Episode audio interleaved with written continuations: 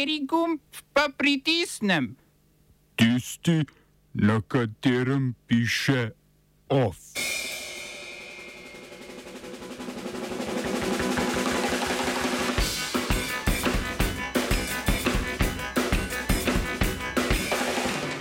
Oživitev železničarske stavke v Združenem kraljestvu. Štiri mednarodne humanitarne organizacije prekinjajo aktivnosti v Afganistanu. Odprava smrtne kazni v Zambiji. In kadrovanje se nadaljuje. V upravi Sidbanke po novem Boru Tjamnik, Pavle Hevka, nič več nadzornik Darsa.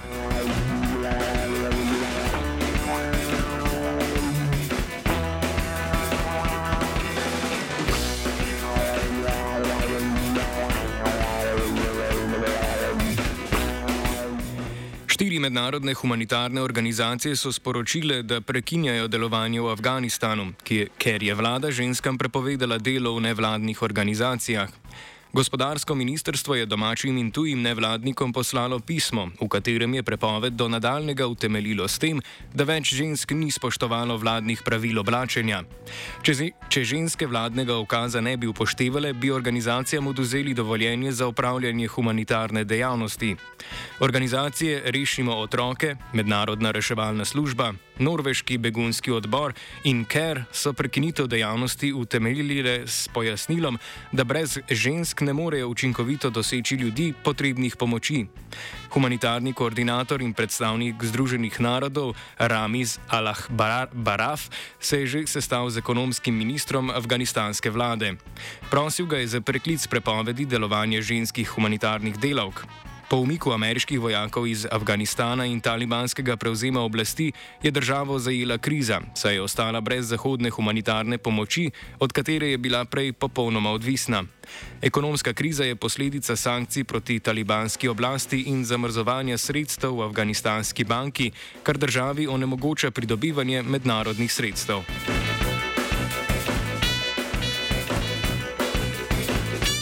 Spopadi med pakistanskimi talibani in pakistansko vojsko so zahtevali prve žrtve od prekinitve premirja novembra. V spopadih s talibani je umrlo šest vojakov v provinci Balučistan, ranjenih pa je bilo tudi več civilistov. Provinca sicer meji na Afganistan in Iran, zato so bile napetosti na tem območju po prekinitvi premirja tudi pričakovane. Pakistanski talibani so svoje aktivnosti stopnjevali od ameriškega umika in talibanskega prevzema oblasti v Afganistanu.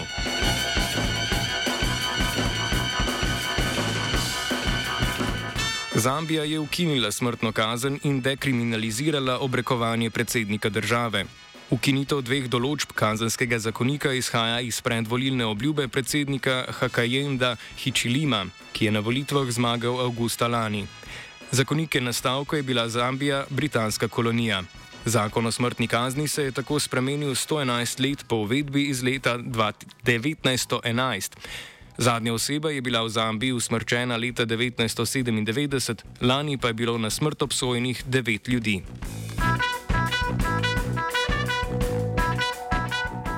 Železničarski delavci v Veliki Britaniji spet stavkajo. Stavka železniškega, pomorskega in prometnega sindikata RMT se je začela včeraj. Delavci od upravljavca železnic Network Rail zahtevajo više plače in boljše delovne pogoje. Na otoku je danes dela prost dan, ki ga večina prebivalstva preživlja v nakupovalnih centrih. Zaradi zastoja vlakov bo po napovedih na britanskih cestah 12 milijonov avtomobilov, kar bo povzročilo prometne zastoje. Množično nakupovanje bo za nekatere tako moralo počakati.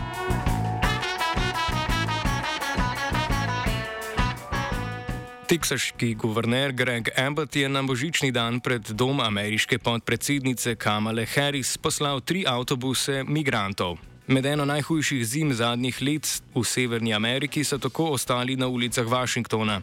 Avtobusi so bili najprej namenjeni v New York, vendar so zaradi slabih vremenskih razmer med vožnjo spremenili cilj.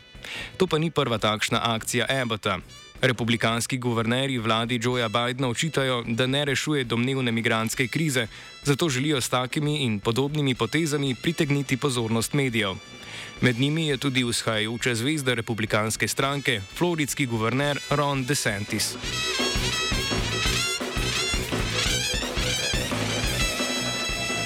Južnokorejska vlada je predstavila načrt, kako bo do leta 2025 zmanjšala število zaposlenih v javnem sektorju. Ukinili bodo 17 tisoč delovnih mest v državnih podjetjih in organizacijah. Po navedbah južnokorejskega finančnega ministrstva števila ne bodo zmanjšali z odpuščanjem, temveč z upokojevanjem. To je politika zategovanja pasu, s katero namerava Južna Koreja prihraniti 560 milijonov evrov letno, kar naj bi pomagalo pri spopadanju z gospodarsko krizo. Južna Koreja se namreč sooča z visoko inflacijo in trgovinskim primankljajem. Gre za prvo tovrstno schemo v Južni Koreji od leta 2009.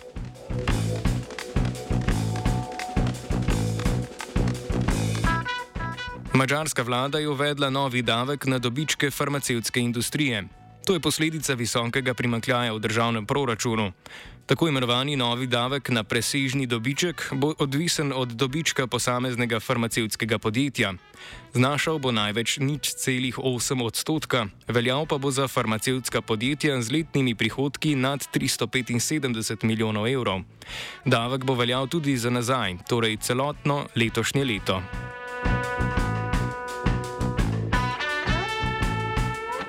V Severni Makedoniji je vlada ta konec tedna uvedla ukrepe zaradi onesnaženosti zraka.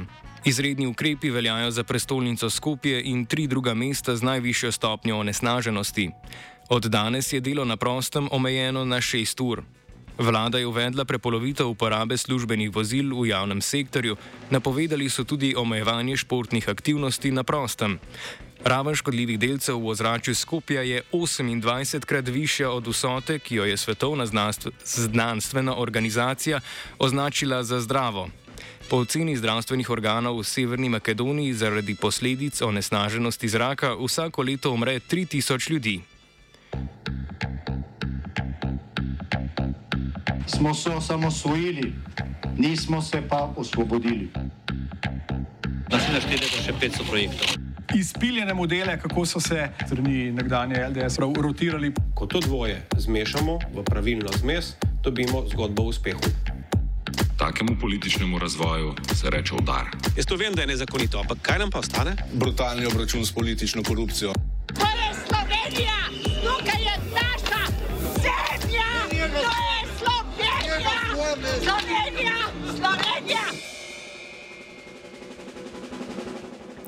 Upravo SID banke je nadzorni svet izglasoval Boruta Jamnika. Ta sicer vodi modro zavarovalnico, njegov upravniški mandat na slovenski izvozni in razvojni banki pa bo trajal pet let. Funkcijo bo Jamnik prevzel po pridobitvi dovoljenja za reguliranje upravne banke. V upravi se bo tako pridružil Stanki Šarc Majdič in predsedniku Damjanu Dolinarju. Razpis za novega upravnega člana je SID banka razpisala septembra, iztekel pa se je oktobra. Zaradi odstopa Saše Polanca eno mesto v upravnem odboru še vedno ostaja nezasedeno. Vlada kadruje tudi v Darsu. Na petkovi skupščini družbe za avtoceste v Republiki Sloveniji je iz nadzornega sveta odpoklicala generalnega direktorja 2TDK Pavleta Helko. Že septembra je vlada zamenjala štiri od devetih nadzornikov, v začetku decembra pa so sporazumno odšli trije člani uprave. Dars vsaj za zdaj sicer še vodi nekdani podpredsednik opozicijske Nove Slovenije, a se tudi njemu po poročanju Radia Slovenija trese stolček. Že v četrtku. V četrtek ga bo po njihovih neuradnih informacijah zamenjal Andrej Ribič, dolgoletni predsednik Elektra Ljubljana, ki ga je nadzorni svet krivdno razrešil pred letom dni.